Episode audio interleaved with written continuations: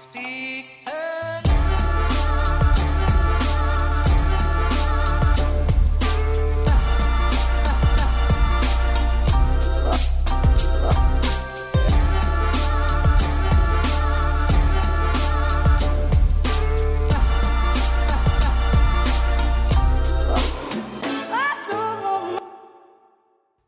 God dag og velkommen hit til Klagemuren. Mitt navn er Kevin Kildahl, og det er onsdag den 20. april. Klokka mi er 17.11.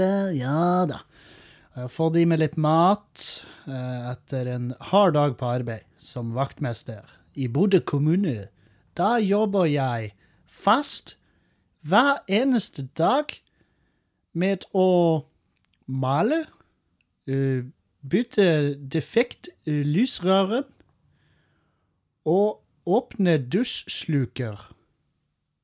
Jeg vet ikke om Jeg vet ikke om en eh, Jeg vet ikke om en tysk eh, gebrokken norsk eh, hånd- håndverker ville brukt ordet dusjsluker.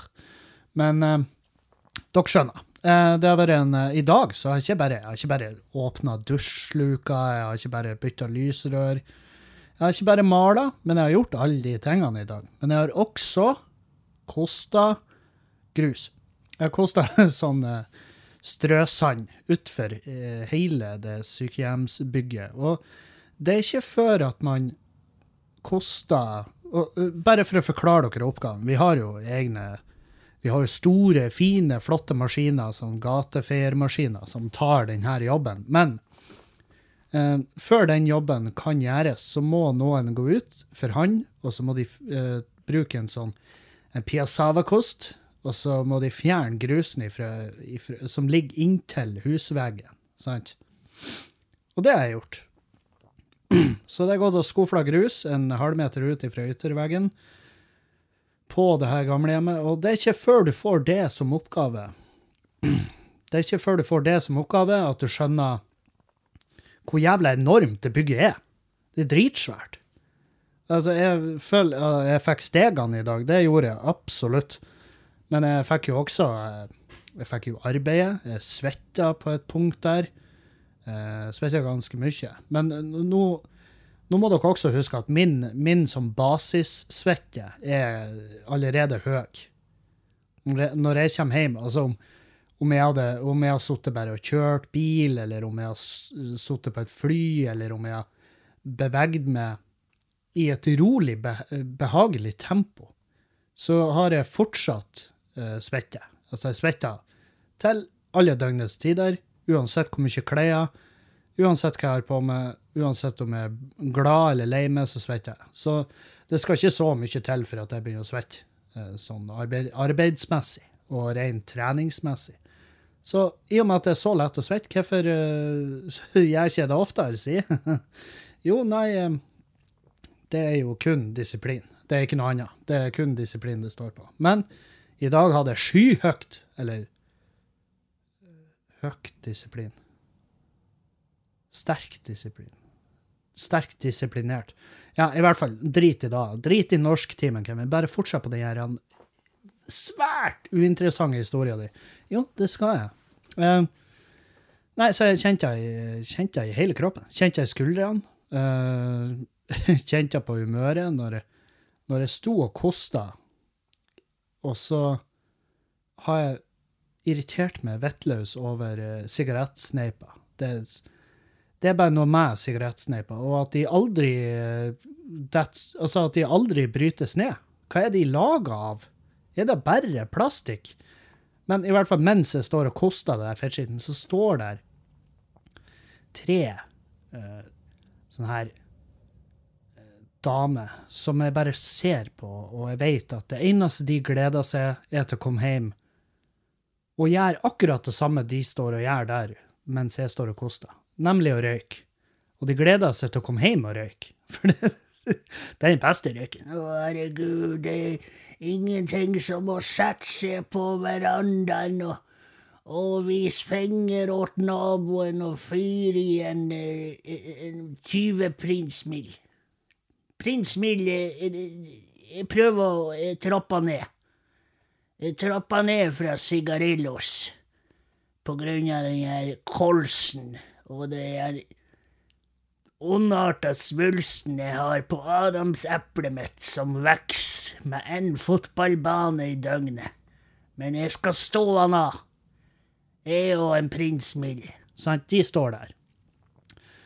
Og så bare røyker de seg ferdig, og så knipser de røyken. liksom. Hun ene hun hadde så vidt tatt et trekk. Jeg så hun jeg så hun trampa på den, som om hun prøvde å ta livet av et uh, insekt. Og så bare lå de der. og så smila de sånn Ja, du var nå så godt i gang. Ja, ja, jeg var nå så godt i gang. Ja, ja, det var jeg. det var jeg. Jeg var godt i gang. Og uh, dere uh, dytta meg litt tilbake i køen. Det er som å sette Det er som de gangene jeg, jeg bønnfaller Nav om nåde. og jeg sitter i telefonkøen og bare Ja, ja, du er, du er nummer 55 i køen. Og så går det to minutter, du er nummer 57. Jeg bare Hvem i faen er premiumkunde hos Nav og kan forbigå meg i køen? Jeg nekter å tro at noen har større økonomiske problemer med Nav akkurat nå enn meg. Hvordan kan de ha fått uh, få gå foran? Er det fordi at de ser at uh, Ser de Er det sånn de gjør den kødanninga på det datasystemet der? At når jeg ringer inn, så har de jo telefonnummeret mitt, og så ser de Å, dæven, han Kevin, ja. Ja, ja, ja. Det er han vi, det er han vi skal fiste i småbiter etter den her kompensasjonsordninga vi har laga. Så det blir jo det blir en lang samtale, så det er helst bare sett han bakerst i køen. Kanskje vi, kanskje vi til og med slipper unna. Kanskje vi ikke rekker å prate med han, og det er jo det aller beste, la oss være ærlige. Sant? Så Nei, men de, de, de, de bare rett i bakken. Foran det. Som, og nå eh, Hun ene kjenner jo litt fra arbeidet, så vi har en viss tone. Men ikke en sånn tone at jeg ville Jeg vet faen. Jeg vet ikke hva som blir ekvivalenten inne på, inne på et gamlehjem, hvis jeg skulle gått og fucka med hennes arbeid. Um, det vet ikke jeg. om, jeg om jeg bare tar eh, Hun har lagt i sånn pillebrett til en bruker, og så bare kommer jeg inn, og så åpner jeg alle lukene på pillebrettet, og så snur jeg det opp ned på bordet og bare Ja, du var nå så godt i gang. Ja, ja. Det, det kan jo åpenbart ikke sammenlignes, i og med at det tok meg tre millisekunder å koste av gårde de sneipene, sånn at de Ja. Sånn at de blir en del av naturen, og ikke en del av søpla der de hører hjemme. Det, det er egentlig det som irriterer meg mest, men samtidig, hvorfor i faen skal man egentlig bry seg? Og det her er jo en farlig holdning. Men eh, jeg har tenkt mye De siste dagene så har jeg vært sånn Hvorfor gjør jeg det jeg gjør? Hvorfor holder jeg på? Hvorfor bryr jeg meg om miljø? Hvorfor bryr jeg meg om folk? Hvorfor, bryr jeg meg om eh, klubb i Bodø? Hvorfor bryr jeg meg om Når, når man veldig ofte tid, altså, føler seg litt alene.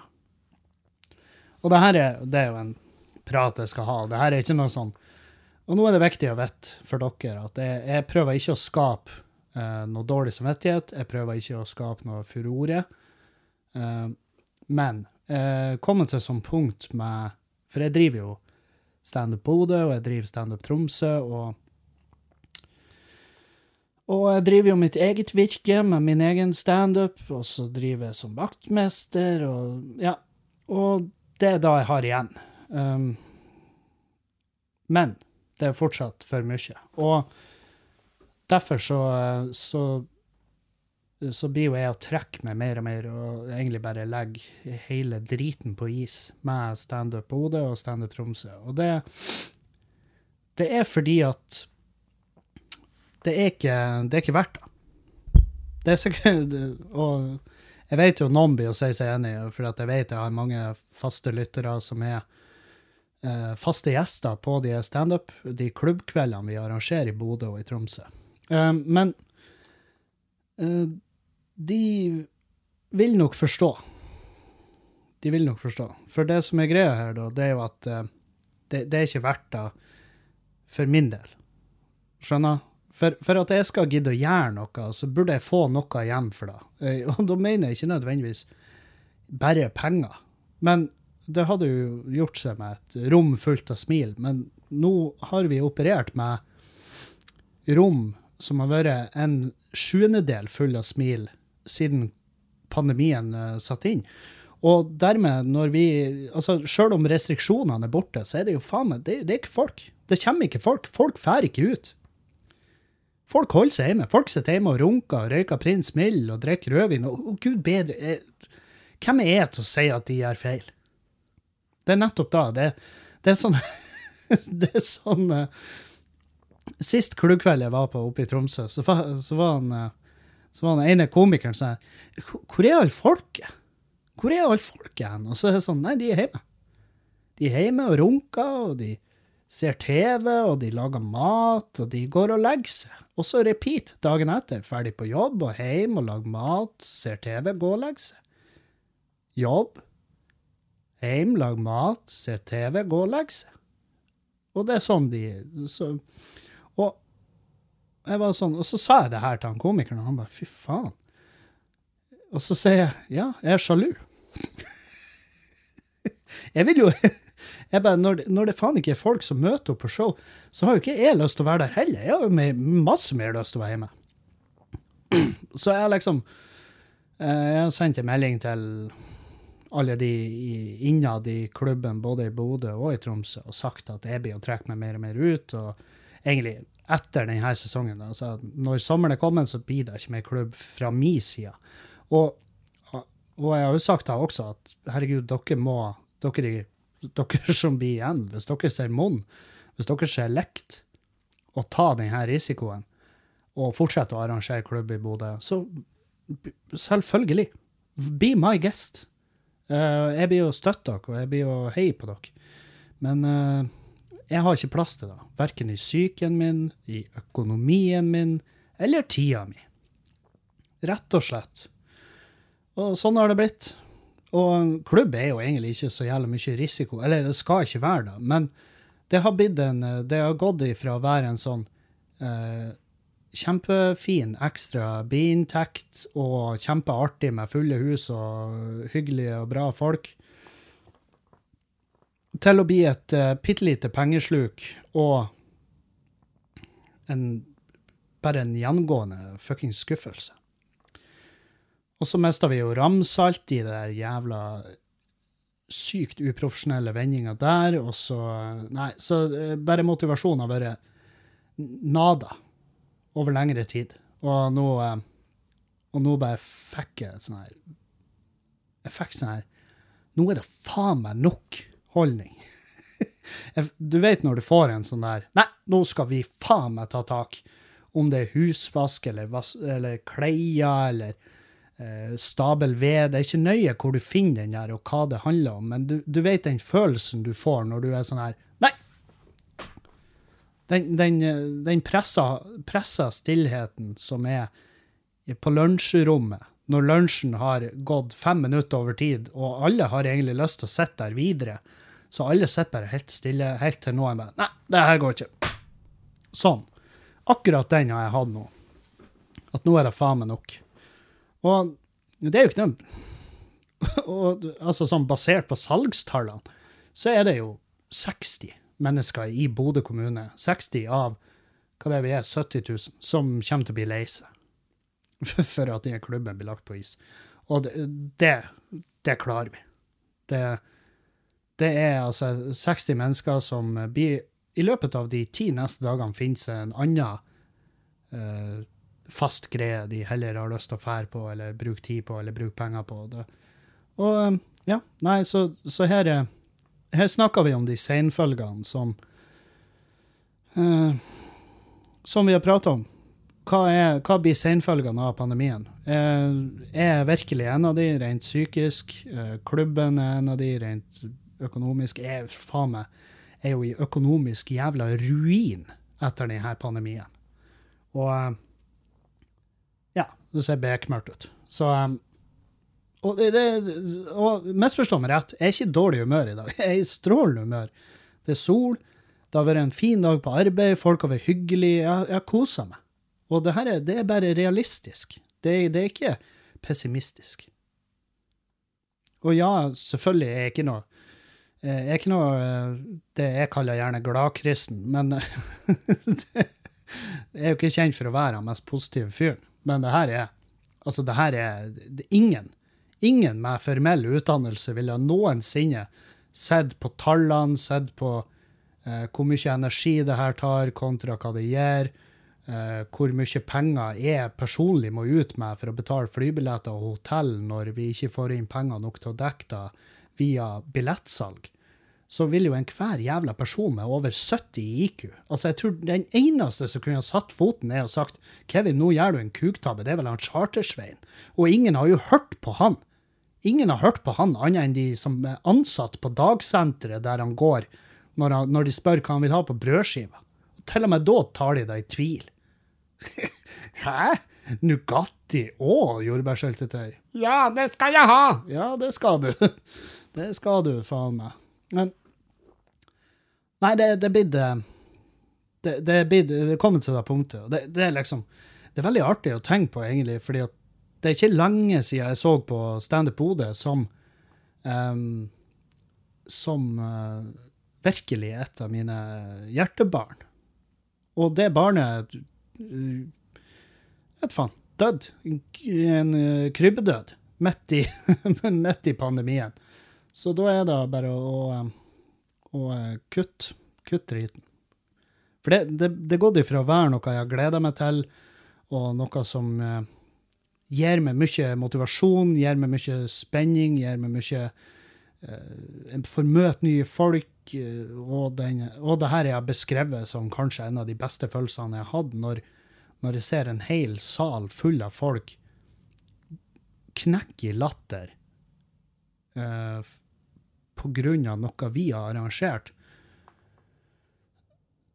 som er jo selvfølgelig fortsatt den beste følelsen jeg vet om, men eh, også en følelse som er så jævlig perifer akkurat nå, sånn som eh, eh, sånn som tingenes tilstand er. Så da, da, er vi, da er det der. Men nok om uh, hvor trasig livet fortsatt er. Uh, la oss nå heller prate om det. La oss heller prate om noe koselig, Kevin. Jo, vi kan prate om noe koselig. Oslo, det var koselig. Oslo var faen meg Ja, det var amazing. Helvete, mollkosa meg i Oslo. Og, um, og ja, jeg ser også selvfølgelig den naturlige overgangen her hinta jo til ja, hvorfor flytta ikke til Oslo da? Nei, vet du, jeg har ikke noe svar lenger. Akkurat nå så er det eneste som holder meg unna Oslo, er vel eh, strømpriser. Sant? Og eh, Ja. Og eh, jeg skulle ha Altså Skulle gjerne ha dratt ned til Oslo. Akkurat nå. For hvis det er en ting jeg innså når jeg var nede i byen der, så er det arbeidsmengden der er generelt Altså muligheten for meg som komiker til å gjøre masse spotter og få utvikla materialet mitt, er så sinnssykt mye bedre i Oslo. Når jeg var på Njø scene på torsdag, så hadde han Jørnis Josef Han kom innom, jeg mener det var på torsdagen. Og um, da hadde han gjort fire spotter. Altså fire forskjellige show. Sånn klubbspotter. Det, de er gjerne 10 minutter, 15 minutter, 20 minutter, hva nå enn.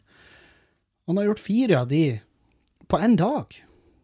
For det er så mange klubber i Oslo. det er så mye folk. Der i Oslo, der kommer folk. Uh, unntatt på minna så kanskje. Fordi at uh, på de her tre dagene jeg hadde satt opp Og jeg sa jo da i starten Å sette opp tre dager show i Oslo eh, Ambisiøst. At best for min del. Uh, så er det superambisiøst å bare Hei, skal ikke sette opp show i Oslo? Jo, jo, jo. Konge, da. Kan jeg tre? Sant? Og det er jo snakk om da 300 billetter. Det ble jo på ingen måte solgt 300 billetter. Det er jo um, Kanskje vi var eh, Kanskje vi var 150 fordelt på de tre 200 fordelt på de tre kveldene. Men uh, mye av det der var bransjebilletter. Altså, det var så mye komikere der. Første showet, der, der tror jeg faktisk jeg kan si at det var like mange komikere så det var, uh, som det var bare vanlige folk. Vanlige levende folk. Så, um, så ja. Men det driter jeg fordi at det var, det var ekstremt bra for meg, sånn eh, tekstmessig. Jeg fikk gjort det masse sånn små grep. eh, med de nye greiene som jeg har. Og, eh, og tilbakemeldingene er utelukkende bra. Torsdagen var jo helt nydelig, sant? Stemningen var helt perfekt. Det var fett masse komikere som hadde bare hyggelige ting å fortelle, og gode tips om hva jeg kan gjøre for å gjøre det litt bedre. Det er typisk komikere. Da. Hvis vi ser showet til hverandre, så er det ikke bare det er ikke bare klapp på skuldra. 'Ja, ja, godt jobba.' Det, det motiverer å se det jævla bra. Nei, nei. Det er også så går vi i dybde på på det vi gjør. Sant? Så vi går og nøkker tak i hverandre etter showet og bare 'Du, jeg digger denne biten, men eh, hvis du gjør den sånn, sånn, sånn? Så, så vi kommer med tips, da. Og det, og det er som regel kjærkomment. Og noen av tipsene tar jeg meg videre, og noen av de bedømmer som drit. Eller nei, ikke for meg. Og, eh, og eh, nei, så torsdagen var fette nice, og så kommer fredagen, så var litt, av en eller annen grunn, så var det litt sånn her Jeg vet faen. Ja, altså, for det første så var jo jeg ikke 100% Jeg var ikke helt i form. Så jeg hadde ikke den beste dagen på jobb, og, og jeg tror det var mye publikum der som var egentlig bare tvinga inn etter et show i andre etasjen som ble ferdig like før mitt. Så hadde han Jørnis gjort sånn der beinhard gerilja eh, sånn geriljamarkedsføring, og bare, og bare tunnela de ned i salen min til jeg gikk på scenen. Og, eller til hun Isalill gikk på scenen. Isalill Kolpus, som har varma opp for meg. Og, og det, det var bare Nei. Det, det, det var ikke noe bombing eller noe sånt. Altså, de som var på showet på fredag, de kosa seg. Men det er da som er minus med å gjøre tre kvelder med show. Det er at da får du en kveld du er fornøyd med, og så får du to kvelder som du måler opp mot den ene kvelden som gikk best. sant? Og det er jo det er jo sånn glasset halvfullt type tenking, men eh, Men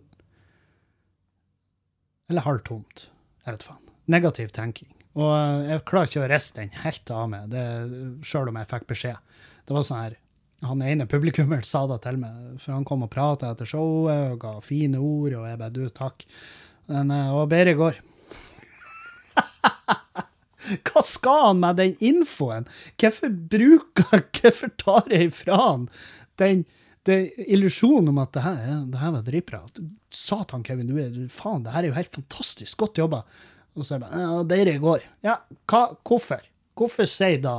Hvorfor si at det var bedre i går? Den ene tingen jeg ikke kan noensinne, uansett hvor mye jeg prøver, så kan jeg ikke få det med meg. Med mindre jeg knekker koden for tid og rom og kan reise tilbake og heller se torsdagen enn fredagen. Det er så bullshit. Det er sånn tull, og, det, og der har jeg tatt masse sjølkritikk. Gi faen i å i, i, i det hele tatt snakke om det. Så kommer lørdagen, og så var lørdagen knallbra.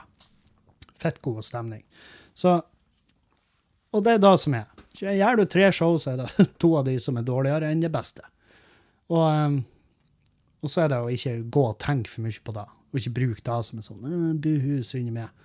Og det er ikke synd i meg. Jeg har det, jeg har det så Jeg har det altså så fette bra med tanke på eh, liksom mulighetene jeg har, og folk jeg har rundt meg, og Ja, og det er bare en så enorm jævla Egentlig den eneste grunnen til at det ennå fins, er jo det, folk, det gjengen som er liksom rundt meg til enhver tid, som bestandig støtter opp og er bare eh, Er bare genuint bra folk.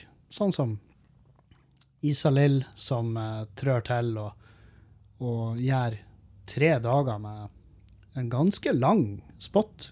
God, god og sikker oppvarming. Og hun er bare fantastisk dyktig. Altså, hvis du ikke hadde muligheten til å uh, sjekke henne ut på scenen, så gjør det. Og gjerne sjekk ut podkasten som hun har i lag med David. Uh, den heter Sameting. Og Sameting er pissartig. Dritartig. Fyr. Kjempefin podkast. Og de der to har en sånn her De har en sånn de har en sånn energi og, en, og et sånn samarbeid bak mikrofonen som, eh, som er føler gjerne kun ser hos meg og Erlend. ja, ikke kun der. Eh, Det er bare at jeg følger ikke med så mange andre podcaster. Men det, det er noe med at når to personer skal være i studio i lag, så må de de må ha klokkerein kommunikasjon seg imellom. Ellers så klarer ikke jeg å høre på det. Jeg plukker opp på sånne unaturlige, unaturlige vennskap og, og um, en sånn unaturlig synergi. Det, det, det kjøper jeg ikke. Men de der to, altså, de er faen meg helt fantastiske. Og det var jo en stund så snakka jo jeg og Isalill om at vi skulle skal vi ha en podkast i lag, og, og sånn her. Og det, det har vært kjempeartig, da. Men jeg hadde aldri kunnet Eller aldri. Kanskje på, på kjempesikt så kunne jeg så kunne jeg konkurrert med det samarbeidet som de har gående der. Så, så ja. Nei, det er Det er nydelig å få lov å reise til Oslo og, og gjøre de her eh, prøve, prøveshow. Hva faen skal Hva er vi Er det prøveshow? Er det det ferdigshow? Jeg vet faen. Er turneen begynt? Nei, jeg vet ikke. Jeg aner ikke. Jeg har ikke noe management. jeg, for min del så er den sikkert da. Men, men det, var jo, det var jo beinharde dager. Helvete. Um, og det er jo gjerne sånn i det sekundet han, Hans Magne Skar eller Dag Sørås eller Altså, hvem nå enn jeg henger med når jeg er i byen, uh, så blir det altså faen meg glassføring som er tidvis så aggressiv at det virker som at vi er i et kappløp om å ta livet av oss sjøl. det er sånn ja, Hvis jeg dauer først, så trenger ikke jeg å tenke på noen begravelser og alt det pisset der. Den der type Altså, den typen hastighet på uh, drikking, det, det, er altså helt, helt borti helvete. Og um, ja. Det var um, Så torsdagen var jo ganske røff.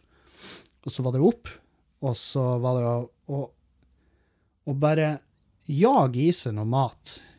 Og det var Jonis som tok ansvar der. Ringte og vekket meg klokka ti. Og jeg sa til han at du, jeg må sove lenger. Og sa han ja, du kan sove etter vi har spist lunsj. Og så tenkte jeg ja, jeg er jo fette sulten, så, og det var jo en god idé. Så jeg kan spise et, jeg kan sove etter jeg har spist lunsj. Og så tar han med meg ut på noe som heter for uh, Løkka Deli. Løkka Deli. Og det er ikke en Deli de Luca. Det er jo um, garantert et lite ordspill der, men det kan ikke sammenlignes. For det her er faen meg Hva er det? Det er gourmet uh, lunsj. altså, det var ferskpressa juice i alle himmelretninger og triple fried fries med et smørbrød som var bare noe av det beste jeg har smakt innenfor uh, den sjangeren. Og um, kaffen får du i en sånn lita kaffekanne på bordet, og uh, altså det er, bare, det er, bare, en heder til det å være bakfull. Og jeg, jeg, jeg skulle ha spist meg i hjel. Og jeg satt og stønna som om jeg ble sugd under bordet, men det var bare, det var bare akkurat det jeg trengte i øyeblikket. Og så stikker vi derifra, og da er jo han Jonis lik seg sjøl, og han bare 'Å, dæven', han glemte noe. Eh, at han skulle i et møte. 'Å nei, jeg har et møte med statsministeren og forsvarssjefen, jeg må stikke'. Så han bare forsvant. Poff. Om han har en liten pose med noe pulver i lomma som han hiver for å lage en illusjon, men han er bare borte. Sant? Og så tenker jeg ja, men da huter jeg med på hotellet, og så får jeg sovet litt. Og ja, nå husker jeg ikke helt uh, hvordan, hva som skjedde der, om det var at jeg møtte på Jeg møtte på uh, noen, noen, som gjorde at jeg fikk ikke sovet på rommet. Og plutselig så skulle jeg spille inn en podkast som omhandla rus og den tida av livet mitt. og Og så gjorde jeg den podkasten, som ble kjempeartig og veldig bra. Vi, vi satt vel i 1 time og 45 minutter og spilla inn. Og etter da så fortalte han fyren meg at det blir bare ti minutter. og det her har jeg sagt. Det kommer jeg på nå. Jeg, har jo, jeg spiller jo inn en klagemuren. Men i hvert fall All ære til han jævelen som vil klippe ti minutter ut av den fettlange praten vi hadde. Jeg holder ikke noe særlig eh, Jeg holder ikke noe sånn kjempekraftig knapp på, på hva resultatet blir, og hvor mye Altså, det blir jo en episode med flere personer. Jeg tviler på at det kommer til å bli den anker det ankersegmentet i den podkasten, men eh, men jeg syns det, det er en bra podkast. Det er en viktig podkast fordi at det er eh, det- er mer, ja, som jeg sa, det er mer balansert info om rus og de forskjellige rusmidlene, og, og hva, det, hva, det, hva det innebærer, og hva det går ut på. Så, sånn som i dag, jeg var på jobb, så så var det en, eh, en fyr eh, som fortalte meg om eh, førstegangstjenesten for hans del, og da, og da var det snakk om at, eh, at det, det var en Han hadde en på laget sitt som var en hasj, hasjrøyker. Han røyka hasj hjemme, han har sagt det. Et eller annet sånt der. Og så, og så sa han «Og jeg vil jo ikke ha han der fyren i nærheten av meg, med et våpen. Og jeg bare hva, hva da? Nei, du vet jo aldri hva som foregår oppi knollen på en narkoman. Og så peker han mot tinningen sin. Og så, så var jeg sånn Vel eh, eh, Jeg kan med sikkerhet si at det siste du trenger å være redd for med en hasjrøyker, er vel at han skal gå fullstendig bananas og skyte deg i trynet med en AG3. Det tror ikke han Jeg, jeg tror ikke han orker. Uh, det er klart, jeg hadde jo selvfølgelig Jeg hadde jo Jeg lurer på om han snakka om Det er klart, da blir det en annen case. Jeg lurer på om han snakka om at det var en som hadde røyka weed inne på leiren, og så, og så hadde de skytetrening. Og det, det er klart, det er en, eh, en vimsatt stoner med et uh, automatgevær. Jeg, jeg, tror ikke, jeg tror ikke det er nærliggende å tro at uh, han er noe nærmere å skyte opp i skolen enn noen andre, men at, at, en, eh, at en ufokusert, vimsatt stoner med et maskingevær kan finne på å hive av gårde et par salver eh, som vådeskudd, ja, det er absolutt. Så ja, jeg vil jo ikke ha Jeg vil jo ikke ha eh, Jeg vil ikke ha anbefalt det. Men jeg, tenker, tenker sånn Hvem faen som får med seg noe sånt inn på leiren?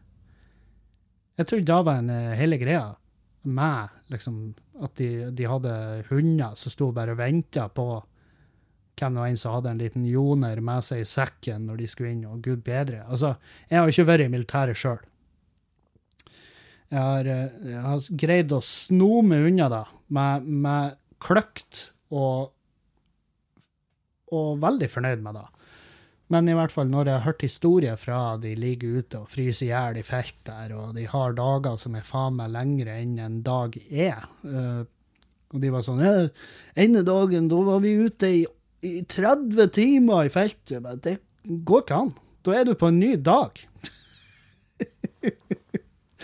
Men ja, og da tenker jeg faen òg.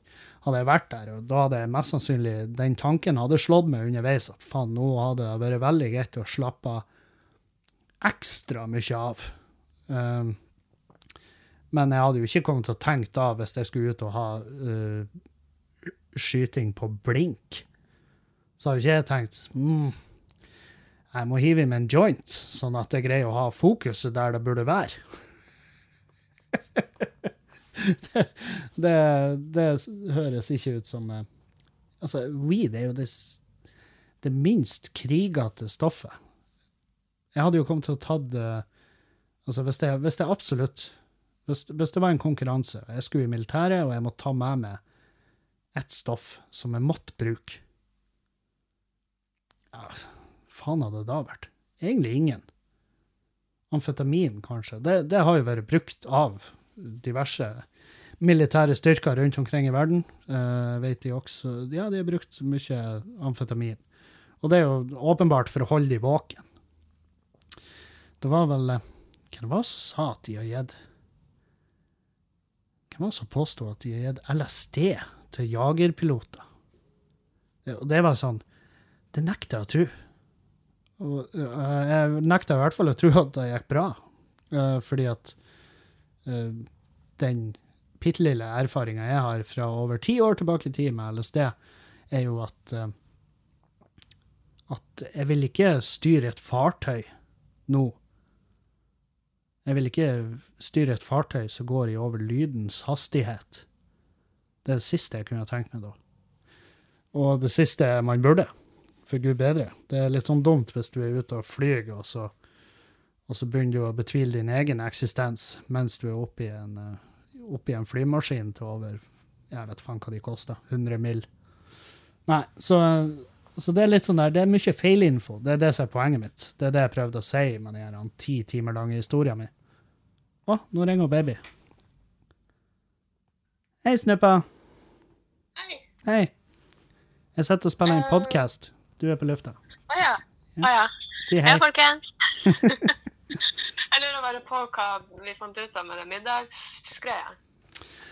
Ja, hva fant vi ut der? Uh, vi har jo uh, Og her er casen, folkens. Vi skulle lage oss tandoori chicken, sånn der Toro, sånn der fettskytpakke. Og så skulle jeg åpne den pakken, men den var åpna fra før, og så var marinaden forsvunnet. Ja, så det, et, så det er et mysterium vi skal komme til bunns i. Men det jeg tenker på, Snupsi, det er jo at vi har jo også, når vi er nå i Toro-land, så har vi jo noe lasagne. Ja. Høres det godt ut? Ja. Men da Kan er jeg ta med noe? Det er jo hvis du vil ha noe salat. Nei, drit i det. Hvis ikke du vil ha, selvfølgelig. Altså, jeg vil jo bestandig ha salat på sida av lasagne, men um, ja. Nei, det, det er forbi lasagne denne gangen. Den er god. OK. Da er jeg på tur hjem. Ja, da ses vi. Ha det. Ha det. Ja. Um, Feilinfo. Altfor mye av det. Det skal det bli slutt på. Og det er den podkasten som, som har omhandla rus, og som ligger jo selvfølgelig bak en betalingsmur, men det er på Podme, så hvis du har abonnement der for å høre på Tusvik og Tønne, eller hva nå enn eh, Hva de har der? Papaya og Tusvik og Tønne og eh, Mikkel Niva og han der Herman Herman Flesvig, og så noen andre folk. Jeg vet faen. Proffe folk. Folk som sitter i studio med lyddempende plate og sitter med hodetelefoner til 12 000 spenn per par, per øre, om du vil, og har en redaksjon, og de har, de har et reisebudsjett, og de, du aner ikke Østerrike, Ringerike, Romerike. Det er altså så mye midler! Og jeg er glad de blir, noen av de midlene blir benytta til å f.eks. lage en godt informert podkast som omhandler rus. Og eh, for å, få, for å ta knekken på masse av de her eh, masse av mytene, og det er klart det er mange folk som har spørsmål, og som lurer på trivielle og ganske også avanserte greier når det gjelder rus og de forskjellige midlene. Og eh, det er jo også Jeg merker det sjøl. Og det, det kan jo hende at jeg bare omgir med meg mer åpne folk, og at det selvfølgelig har noe å si, men jeg syns bare sånn generelt så er det blitt Det er blitt mer innafor å prate om rusmidler og hva det innebærer, så videre, uten å, uten å bli fullstendig sabla ned. Og det har jo selvfølgelig Mest av alt så har det jo noe med at jeg ikke lenger bor på Halsa der jeg kommer fra. For der, når jeg vokste opp på Halsa, så var det Det var jo en nulltoleranse, fullstendig, for rus. Og det har jeg sikkert sagt 44 ganger, men altså, det var Jeg har vært med og gjort hærverk på et hus der det bodde to karer som hele bygda visste at de satt eh, veldig ofte og bare røyka weed i stua si og så film. Og det, og det det skulle ikke vi ha noe av på Halsa. Nei, få det vekk! Så vi, så vi var og holdt helvete der og spraya på veggene og knust ruter. Og, og de Og det var liksom Og folk på Halsa visste hva vi hadde gjort, men de var sånn Nei, men det, Å ja, så, så de, skal vi nå liksom straffe ungdommen for at de engasjerer seg? Hæ? Ja, når det går utover en annen manns eiendom, så er det så er det kanskje dags for å ta tak i hva nå enn det er som foregår her. Men Men ja, så jeg, jeg har jo hatt en enorm utvikling, og det er klart på godt og vondt, men uh, mest på godt. For uh, altså, jeg hadde faen meg jeg hadde, jeg hadde heller dødd av en overdose i alder av 27 enn å fortsette å leve i det sporet som jeg var i når jeg bodde på Halsa. I det å være en, en smårasistisk, eh, konspiratorisk liten skapkuksuger som, som eh, hadde altså en fullstendig nulltoleranse for egentlig alt som jeg ikke sjøl uh, drev på med. Altså, vi drakk og laga heimbrent, og vi satte opp inn, altså sånn skikkelig virusinfisert vin som sto og putra på badegulvet i en plastdunk fra Europris. Og eh, ja, det, det var så mye, mye prosjekter. Jeg husker den Kiwi-vinen. Det var jo helt borti helvete. Smaka urfett. Lukta arvesynd. Og du ble så fette tosk dritings. Altså 22 Og til slutt, det siste du gjør før du serverer den i Kiwi-vin, det er å ha oppi en liten sånn her Bare en sånn fargeessenspakke. Som var knallfette Kawasaki grønn. Og så serverte du det her til vennene dine, og hvem nå enn du hadde et vagt håp om å få lov å ligge med. Og så så dere hvordan kvelden bærte av. Og, og vi var liksom flottere folk enn de to karene som satt og så Ja, mest sannsynlig How High. Eller Don't Be a Menace. Uh, og bare passa virkelig sine egne jævla saker. Helt til det kom en gråstein kakka løs ifra nærmeste berg. Kom en gråstein gjennom stuevinduet. Stakkars jævla helvete. Nei, så jeg vil ha på ekte. Jeg ville på ekte heller eh, Ja. Jeg ville heller levd eh, egentlig det livet jeg lever nå, enn, det livet jeg levde da. Og det burde man jo eh, Jeg håper de aller fleste har den, har den tankegangen at jeg ville heller ha levd det livet jeg gjør nå, enn det jeg levde for ti år siden. Og Og det, den tanken har jeg gjort meg masse, spesielt i siste. Fordi at når man, når man er i perioder hvor det er litt, litt mørkere enn ellers, så, så, så tenker man jo gjerne Så er det jo veldig typisk å tenke tilbake og vil tilbake. Og, men jeg har på en måte så har jeg ikke villet tilbake, jeg ville bare ut. Jeg vil, jeg vil opp og frem. Jeg vil jo ikke prøve å kopiere gamle løsninger for å, for å få ting til å gå rundt igjen. Det blir en Jeg, jeg tror det en, fort kan bli en sånn skadelig loop å havne i. Så Nei. Uh, hvordan havna jeg? Jo, jeg, det var det jeg gjorde. Eh, Jeg gjorde den podkasten, og så fikk jeg ikke sove. Og etter den, for da var det plutselig middag, og så var det show, og så var det Ja. Og det var, det var fredagen sin. Og så kom jo lørdagen med Bresk og Brem i Oslo. Uh, lørdag 9. Og da var det altså Ja, det var full guffe. Hele jævla dagen. Og showet var knallbest, og det var drithyggelige folk. Jeg møtte eh, Jeg fikk møtt uh, masse, masse bra mennesker som kom på de showene i Oslo. Det var ene kvelden så var det en del av der han uh, Utøya-gjengen, og de satt jo og drakk og hoia og prata med og jossa med til ja, omtrent til enden av visa. Og på lørdagen så var, fikk jeg møtt på et uh, ja, nå, nå et vennepar uh, som jeg syns virka som jævla bra folk. Og, og det er jo litt av det som Kan du si eh, frister med å, med å gjøre det her. Det er jo alle de her personlighetene, alle de nydelige menneskene vi får muligheten til å møte ute på veien når vi er ute og reiser. Og, um, og nei, det, det vil jeg aldri være uten. Og det er i denne tida her hvor det er enorme omveltninger, hvor ting står sånn til at man ligger an til å liksom må vurdere å selge huset sitt og gjøre eh, store grep for å bare Ja. Bare for å holde hodet over vannet. Så det er sånn eh, I en tid der det er liksom store valg som tas, så, så har jeg fortsatt ikke vært på tanken om å liksom skulle slutte sjøl med standup. Det har ikke vært et tema. Og det er sånn Og jeg tror ikke, jeg tror ikke Julianne hadde kommet jeg tror ikke hun hadde kommet til å latt meg gjøre det.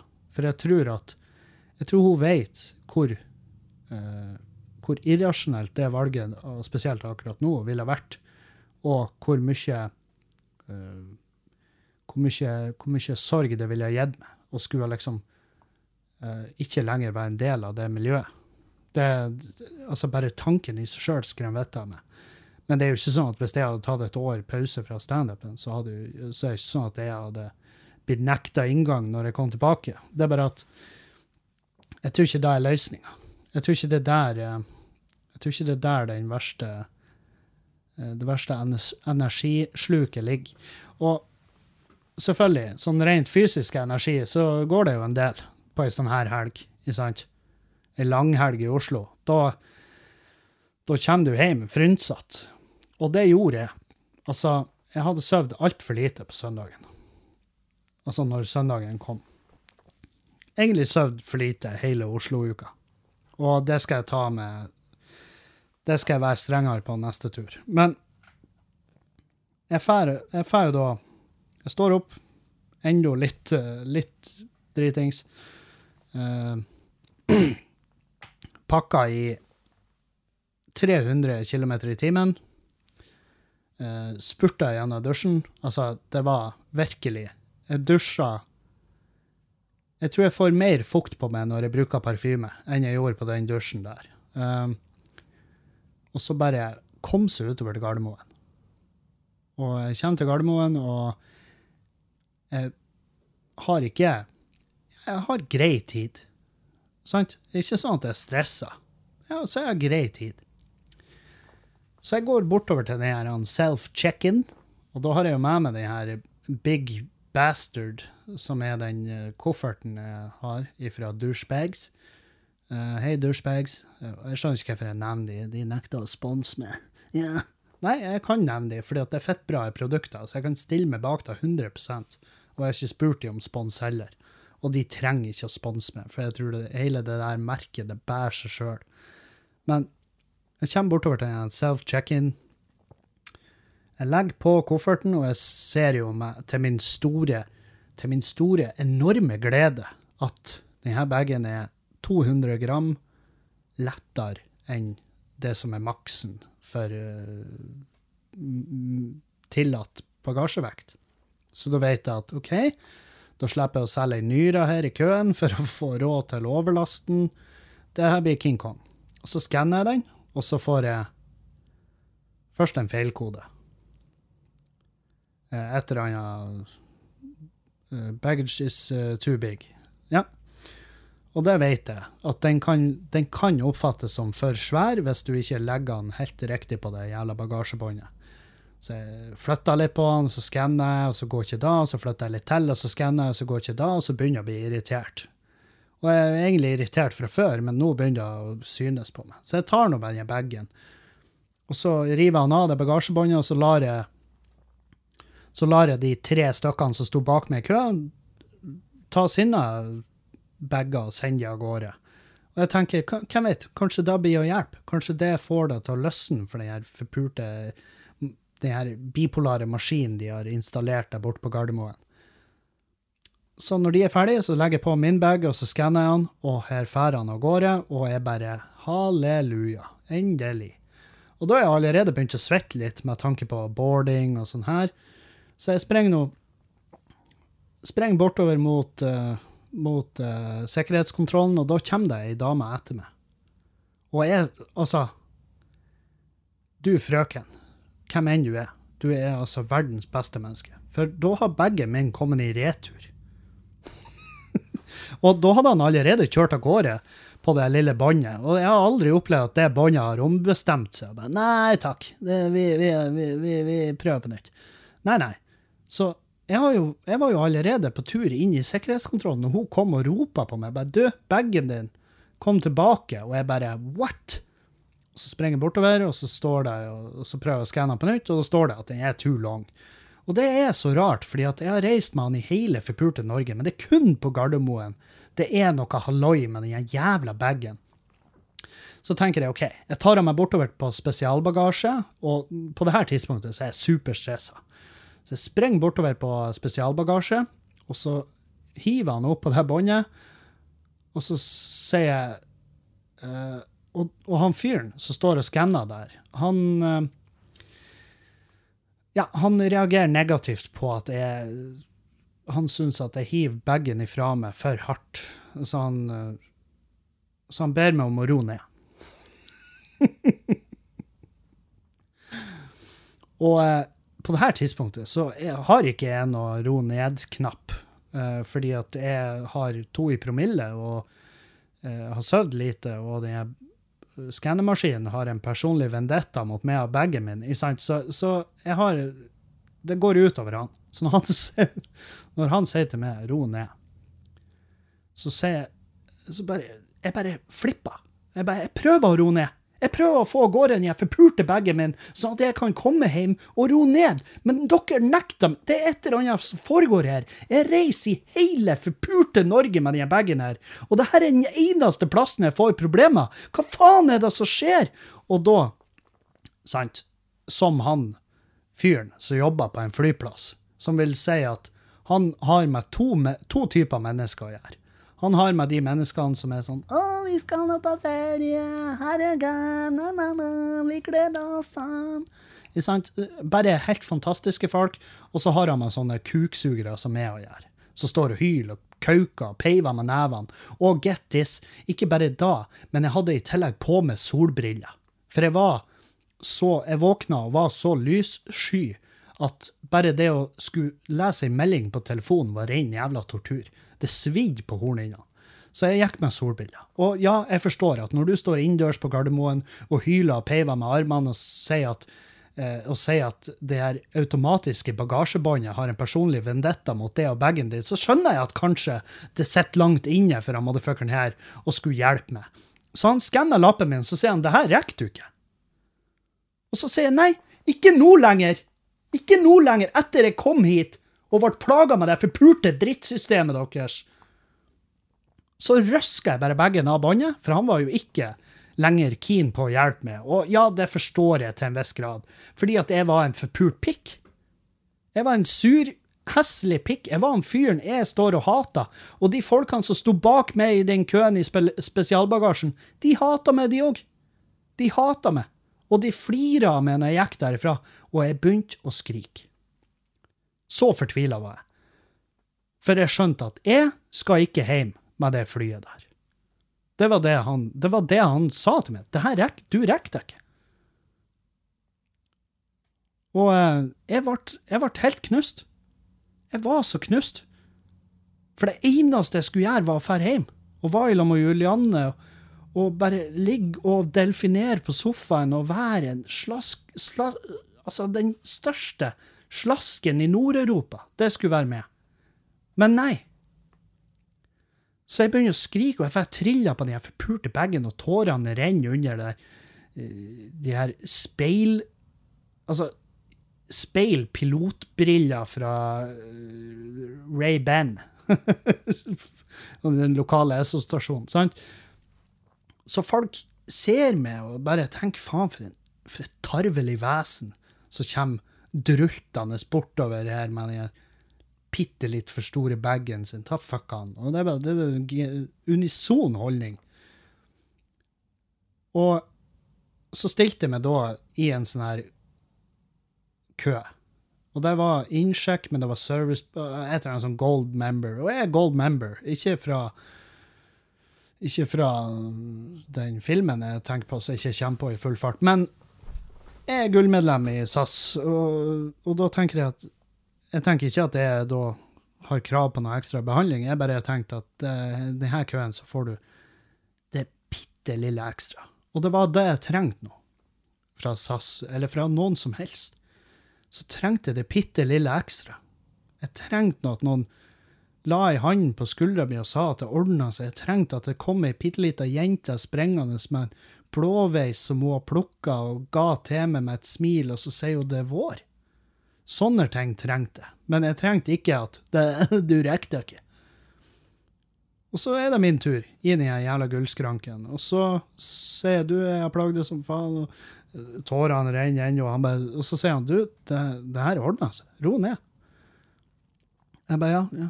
Og det var det. Han sa du, det her ordner seg. Og så sa han ro ned.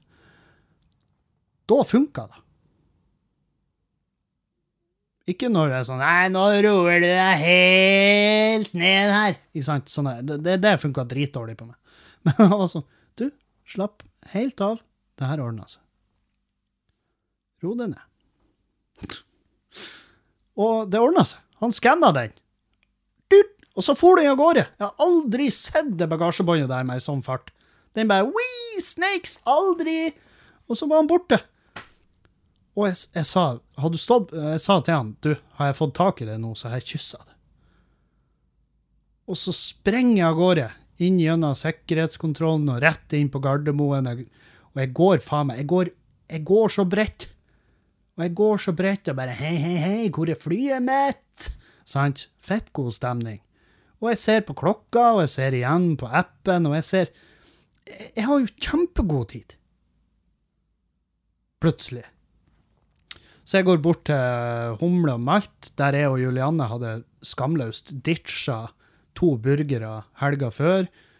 Uh, så går jeg bort dit, så tenker jeg faen, jeg rekker jo en burger. For jeg var sulten. Fettsulten.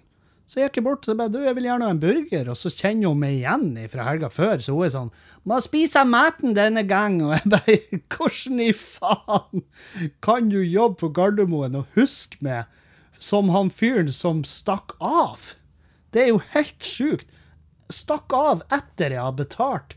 Det, det kosta dere ingenting, det som skjedde der, men allikevel husker du meg, for det er skam å hive mat, og jeg elsker det for deg.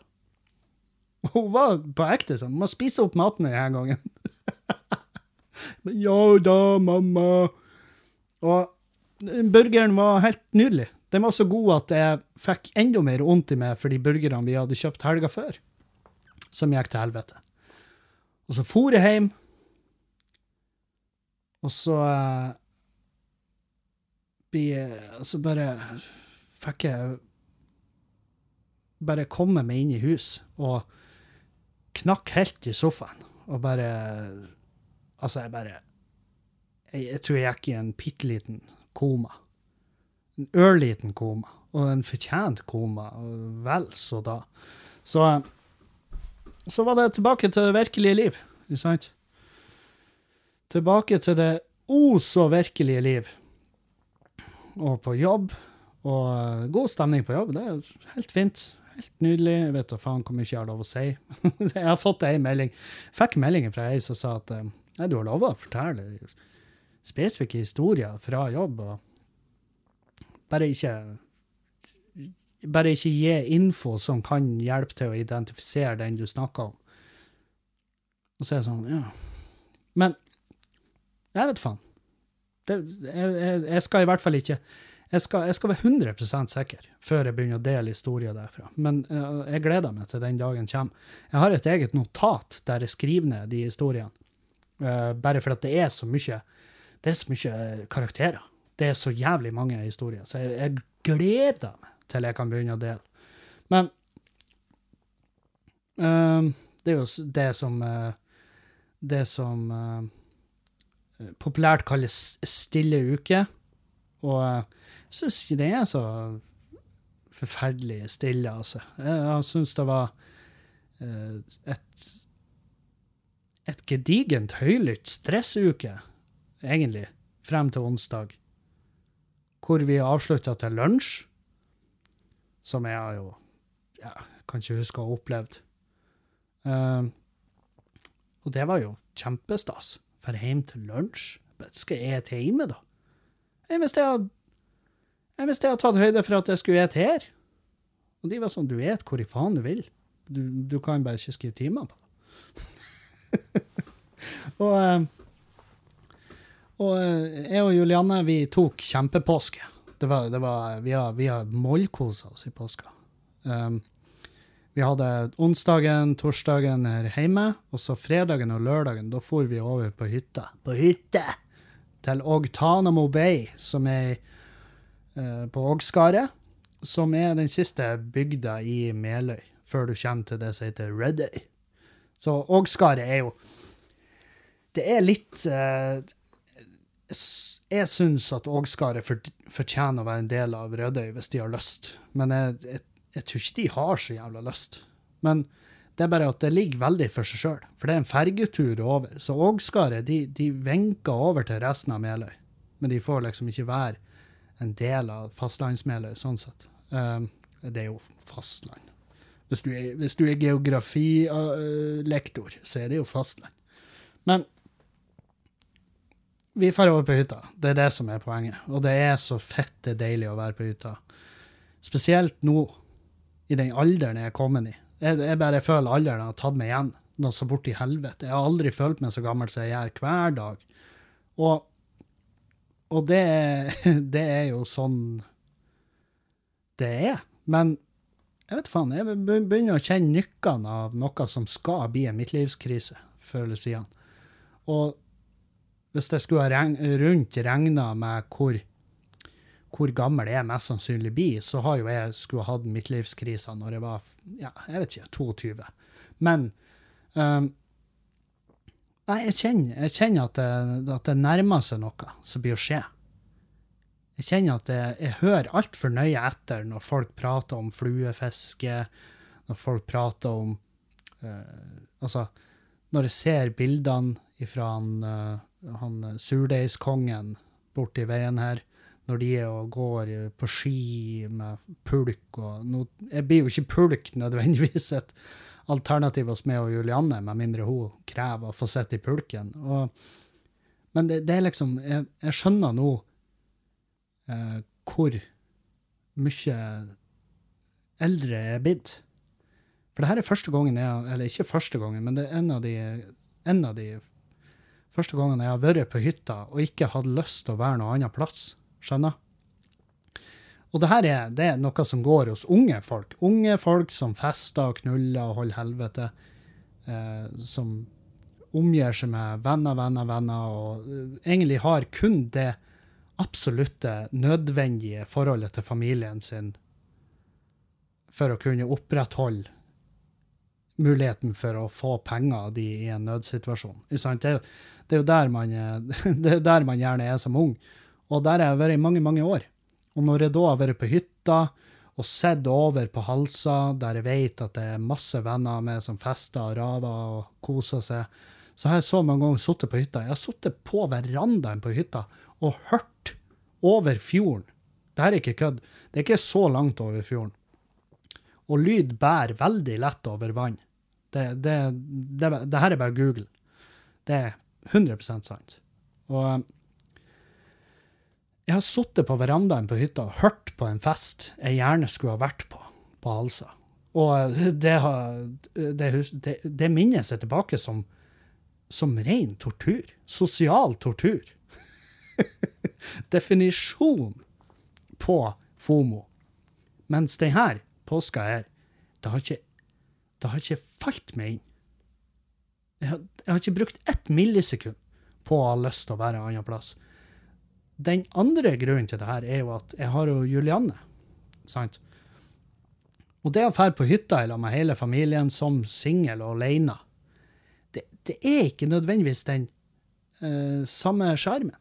Og når du da er singel og alene og i 20-årene og egentlig har lyst til å bare feste, så blir det selvfølgelig tortur. Og heller være der og spille yatzy og masse onkelunger som sprenger i alle himmelretninger. Nei, så Å, vent litt. Baby! Kom opp! Skal dere få høre. Nei, så vi var på, vi var på hytta, feira påska der. Eh, jeg, Julianne, søs, eh, søstera mi og typen hennes, og, og andre søstera mi, og ungene, ungene, flere av ungene deres. Masse unger. Og ene søstera mi, hun, hun kan bare virkelig ikke Hun klarer ikke å la noe eh, gå bare sånn standard hen. Hun må gjøre masse ekstra, og jeg elsker henne for det. For det er liksom aldri et kjedelig øyeblikk med, med de søsknene mine. Og, eh, så hun har arrangert da påskemesterskap, som var en, et sammensurium med, artige leker og oppgaver som skulle løses både fysisk og eh, hodemessig. Og nei, det var bare Det var pissartig. Det tok hele jævla dagen, for vi var så mye folk, men det var så jævlig artig. Og vinneren av den konkurransen var Mæ! det var du! Hvor eh, Altså, du var Det var genuin glede. Ja, ja, jeg visste at jeg kom til å vinne. Ja, du sa det jo på Ja. forhånd. Jeg sa at eh, jeg skal vinne det her. Du sa 'jeg skal vinne her', og så så du bort på onkelungene mine, og så sa du 'jeg skal drepe'. Har du fortalt eh, konseptet med hvordan man vinner? Nei, det er poenggreier. Ja, Nei, det, jeg, jeg turte ikke begi meg ut på det. for det er jo i historien at Ja, det er jo helt tilfeldig. ja det er supertilfeldig hvem som vinner. Ja, de trekker basically lodd. Ja. ja, det var jo det. Ja. De, eh, for du samler poeng gjennom hele runden, og så summerer vi opp til slutt hvem som har hva poeng, og så trakk vi en lapp som Først trakk vi to lapper som fortalte hvordan to øvelser som plutselig skulle telle som minuspoeng. Ja. Ja. Så det trakk jo ned poengene hos mange. ja. Og så til slutt så skulle med en app, en sånn der rulett-app, Ja. så trakk vi. Alle poengsummene var skrevet inn der, og så Ja. snurra vi hjulet. Ja, så, så- det var bare ren Ja. poengrulett. Og Men alle dere fikk jo sånn ti poeng. Jeg fikk åtte. jeg fikk 13. Ja. Ja, ja. Så det var nå ikke så verst. Men, eh, men eh, hvilken øvelse syns du var verst? Eh, kanskje den å stå inntil veggen. Ja. Den ga jeg meg jo på før, da jeg tok ikke ett poeng på den engang. Gjorde du ikke det? Holdt du ikke i 30 sekunder? jo, jo, OK, jeg tok ett poeng. Ja. Og dere vet, uh, lytterne, hvilken øvelse det, det er snakk om. Det er den her når du skal stå med ryggen inntil en vegg, og så skal lårene stå 90 I- grader. Ja, det skal være en 90 graders eh, knekk i knærne der. Det var Så- ikke jeg klar for. Nei, det var ikke jeg heller. Nei. Men hva var han ene? Han, han, Han eh, sto jo i han eh, Didrik, som er eh, en eller annen emosjonell gissel i denne situasjonen. Men han Kjempesøt gutt fra Bodø som sto i Hva det blir? Altså 11, 11 ganger 30 i full fart. 330 sekunder ja, sto han. Og det er jævlig lenge. ja. Tre og et halvt minutt. Altså, men på slutten der Hele han rista. ja, det var, han Kjente hadde i plattingen. i øyelokkene. Og jeg, var, jeg har så vondt i mine lår på vegne av hans. For mine lår de hadde jo bare holdt ut i Jeg lurer på om jeg tok to poeng der. Mm. Så jeg satt, sto i ett minutt. Ja, det er lenge. Ja. Eh, Det er utrivelig lenge. Jeg husker når søstera mi annonserte den øvelsen, og så sa hun denne øvelsen da blir dere få ett poeng for hvert 30. sekund. Og jeg vet jo hvor fette hard denne øvelsen er. Så jeg var sånn her det, Hvordan blir vi å gjøre det her? Men det, det gikk nå greit. ja. Ja. Jeg syns det var artig når vi skulle skyte på ballonger. Ja, med luftgevær. Ja, det har jeg aldri gjort før. Det er så jævlig white trash å gjøre, men Men det er sagt, eh, det har sagt før, etter at Ernst Magne gjorde meg klar over det, at vi er jo en white trash-familie. Ja. Så det å blåse opp en masse ballonger og henge de ut i skauen på tre, og så hadde vi skytekonkurranse med Mm. luftgevær. Og eh, eh, det var, det var pissartig. Ja. Jeg skulle ønske det var mer ballonger. Ja. Mer, mer skudd. Ja. 30 skudd hver. ja. Men eh, ja, så du, eh, hva vant du? Jeg vant en eh, pokal Mm. som jeg sjøl var og kjøpte, Ja. og vi glemte igjen her. ja, så det var jo bra. Ja. Men det var jo- fordi jeg visste jeg skulle vinne, Ja, ja. Så, så du gadd ikke å jeg gadd ikke å ta den med. Nei. Hvorfor la de andre se på? Ja.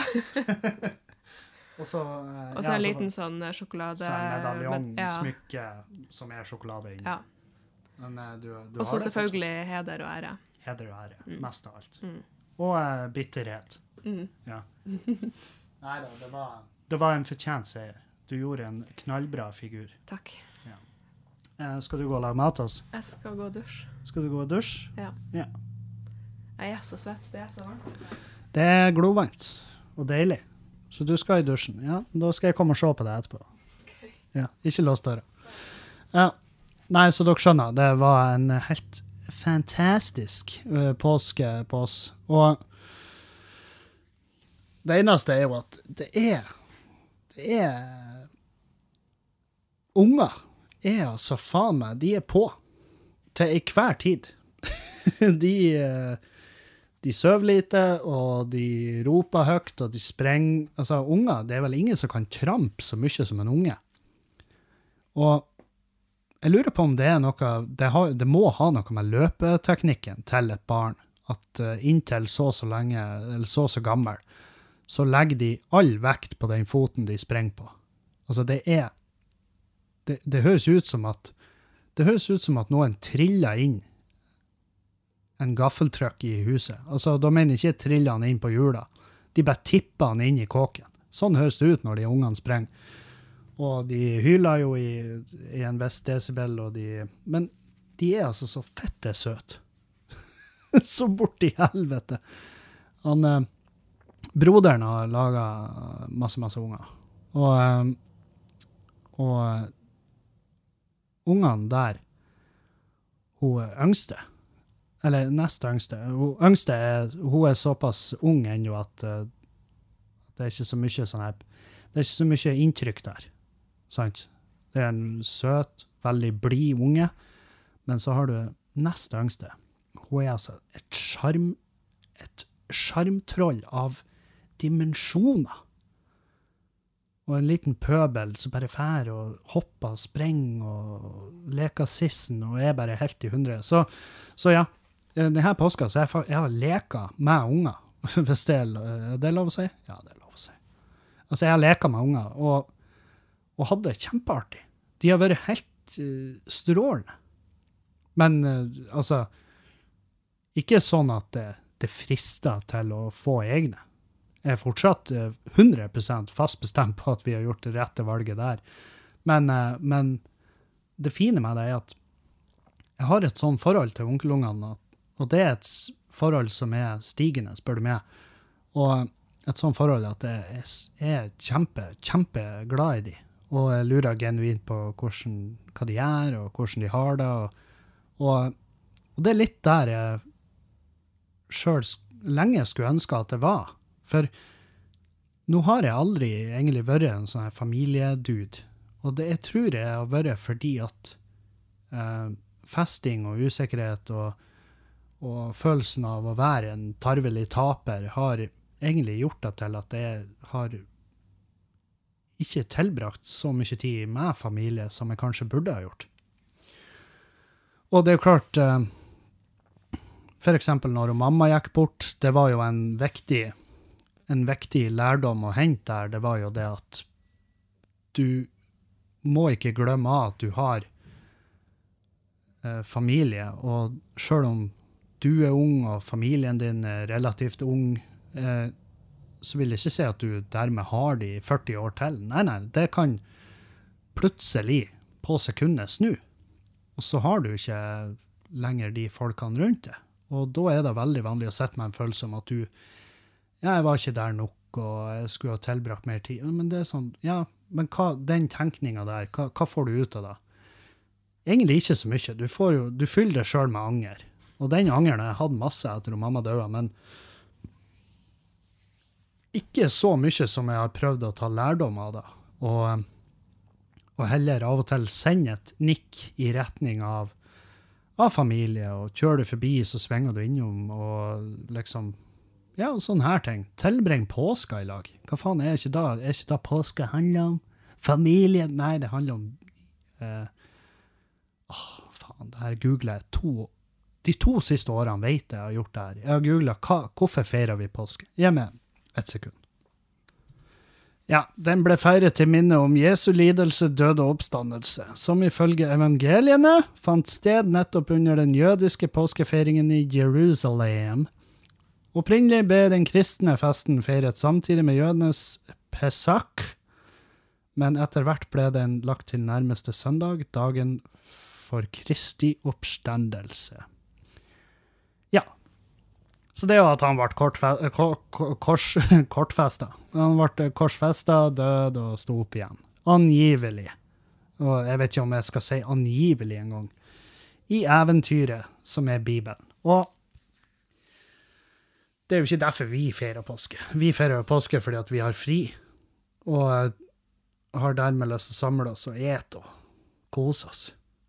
Og eh, ja, hva enn du har som grunn til å feire påska, det er jo egentlig ikke nøye. Eh, Så lenge, du, så lenge du gjør det på den beste mulige måten for deg sjøl. Og den beste mulige måten for oss var jo å gjøre det i lag med familie og ro og mak der borte. Og masse god rødvin og masse god mat og masse bra samtaler. Det har vært mimring om mamma. Det har vært, nei, det har vært, det har vært bare en knallbra påske. Fette, nydelig påske. Og eh, ja, så feir den. Ikke, ikke, altså, ikke legge ei fotballtrening til påska. Det har jeg fått med meg.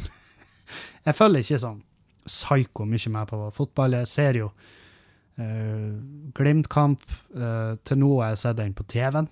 Uh, fordi at Men nå begynner det å bli varme i været, så da kan jeg fære bort på Aspmyra uten å fryse i hjel. Men eh, jeg så Jerv la fotballtreninga si til langfredag klokka 11. Og at dere våger!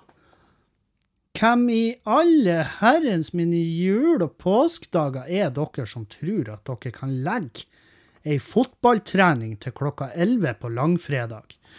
Og det satte jo sinnet i kok i Grimstad. Hos uh, Hvem det var som i et leserinnlegg Skal vi se der Eh, Ja. Anne Brita Torød skrev et leserinnlegg til lokalavisa Grimstad Adressetidene med tittelen Kan Jerv-ledelsen forklare sitt valg av treningstid? Og hun sa at Skal vi se nå Stor var min Stor var derfor min forbauselse da jeg etter langfredagens gudstjeneste kom forbi Levermyr og så, og ikke minst hørte, at Jervs A-lag hadde lagt trenings til gudstjenestetiden. I tillegg til å bryte med loven om helligdagsfred, blokkerer altså oh, get this, i tillegg til å bryte med loven om helligdagsfred, blokkerer altså Jervs ledelse sine spilleres muligheter til å følge en kristen påskefeiring. Og eh, de har vel sagt at hvis det var noen som helst på laget som hadde lyst til å fære på det der påskegreiene i kjerk, så fikk de lov til det. Um,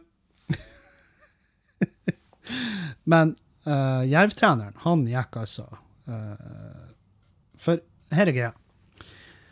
Hvis hun hadde skrevet uh, Hvis hun hadde skrevet et innlegg, eller skrevet en melding, til Jerv-ledelsen noe jeg tipper hun har maskin for å, altså for å finne fram eh, adresser, eventuelle eh, kanaler for å kontakte Jerv-ledelsen.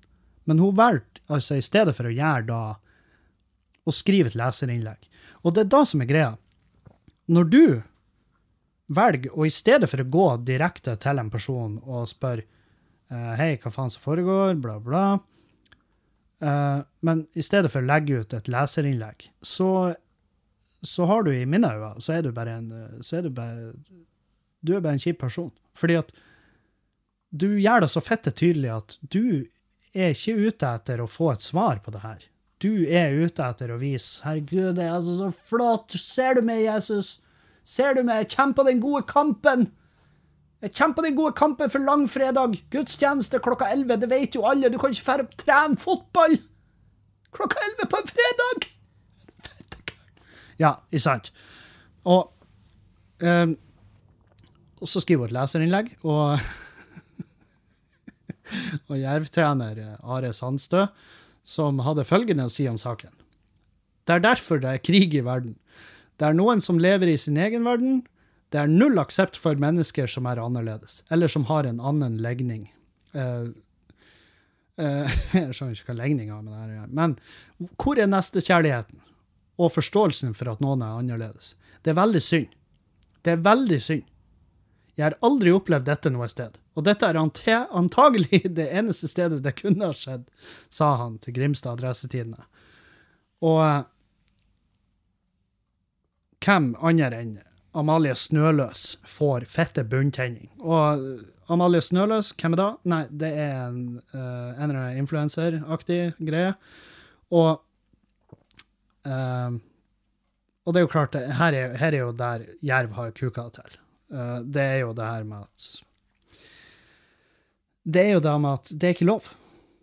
Det, det er ikke lov. Visste dere da? Det, det? det er ikke lov å gjøre hva du vil. Du har ikke lov å, kose, du har ikke lov å gjøre hva du vil, sjøl om det er helligdager. Det er egentlig da du har minst lyst til å gjøre hva du vil. Og eh, f, altså, jeg gidder ikke engang diskutere hvor lite kristendommen betyr for meg oppi det her.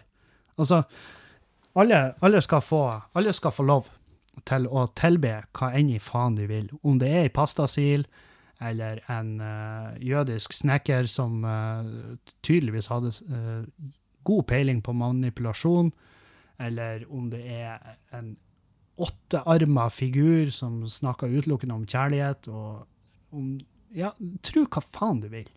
Tro hva enn i helvete du vil. Men ikke altså, Jeg vil ha slutt på at det ikke skal være lov å gjøre hva man vil, bare fordi at det tidspunktet du gjør den tingen, er tilfeldigvis samme tidspunktet som en inn i helvete godt betalt mann står i en kjole og forteller om at han har prata med sine indre stemmer i natt, og de har fortalt han at det trengs litt ekstra kollekt i bøssa denne kvelden, fordi at uh, vi, vi, sliter litt. Kjerka, altså Covid har tatt på oss i kirka òg. Det, har, det har vært knallharde tider for oss. Så, så fuck, fuck, kristendommen oppi der. Fuck religion. Det driter jeg i. Jeg syns det er piss at Fordi at det her er sånn på søndager. Søndager, uh, hvis det er hjemme hvis, Med mindre jeg har vært ute og reist og gjort standup og holdt faen, så holder ikke jeg hviledagen hellig. Altså, om jeg føler for å klippe plenen min på søndag, så klipper jeg fuckings plenen min på søndag. Og det er, altså, om presten ennå står på talerstol, det, det gir jeg meg fullstendig fette satan i. Det, er altså, det er ingenting Jeg kan ikke komme på en ting som bryr meg mindre enn at det står en prest på talerstolen akkurat samtidig som jeg gjør det arbeidet jeg gjør. Jeg tror til og med han presten ville vært stolt av meg. En, en progressiv prest ville sagt bra, den hagen din trengte stell.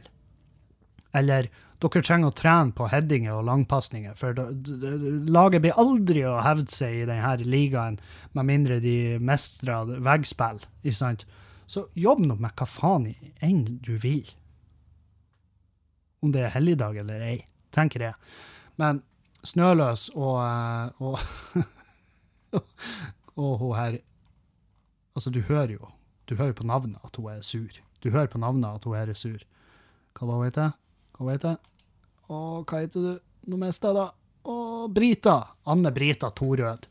Altså, det, du hører at det er ei streng kjerring. Det er sånn som har briller, og så tipper hun de ned på nesetippen når hun er forbanna. Sånn som lærerne brukte å gjøre. sant? Tipper brillene ned på nesetippen, og så ser de over brillene på det. Og da har de stilt det et jævlig kritisk spørsmål som det ikke finnes noen rette svar på med mindre du ønsker straff. Og, og hele greia er at det er ingen tvil om at Anne Brita Torød bare hadde lyst til å være tante pekefinger. Og det fikk hun være, for hun la ut et leserinnlegg, og den avisa vet du, de tar jo selvfølgelig fullstendig tak i det her. Og det er jo ikke fordi at de det de syns det er en utrolig viktig sak. De vet jo at det her, det kan potensielt lage halloi. Og eh, det er jo veldig synd at, eh, at jervtreneren beit på eh, fordi at uh, han kom jo ikke ut som noe. Han kom jo ikke ut som noe, inn i helvete reflektert fyr, og det er jeg jo ikke heller, men det har jeg aldri egentlig sagt at jeg, at jeg er. Men bare, vi, er det på tide at vi fjerner det forbudet mot å gjøre noe, sjøl om at det er folk er samla i et rom langt, altså, un, langt unna det. Det driter jeg hva folk gjør.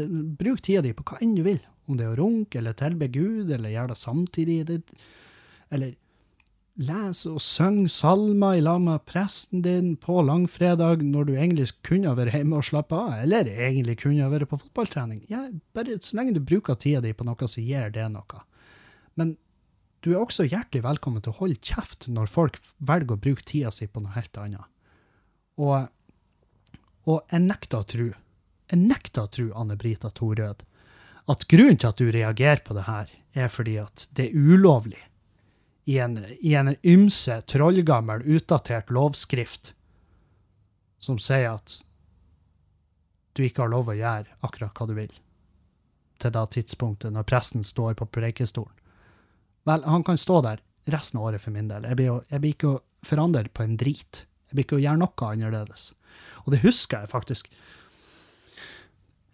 Jeg husker jeg, var, jeg fikk en kommentar på det når jeg, var, når jeg bodde på Halsa. Da var jeg 19 år gammel. var jeg ute og klept plen utenfor leiligheten min. Og uh, Og jeg var og klept plen, og så kommer det ut uh, ei ganske legendarisk tøtte. Og jeg så at hun hadde en mission. Fordi at hun prata aldri med meg ellers. Og det, det her er jo på denne tida hun sikkert en ja, 65-70 år gammel.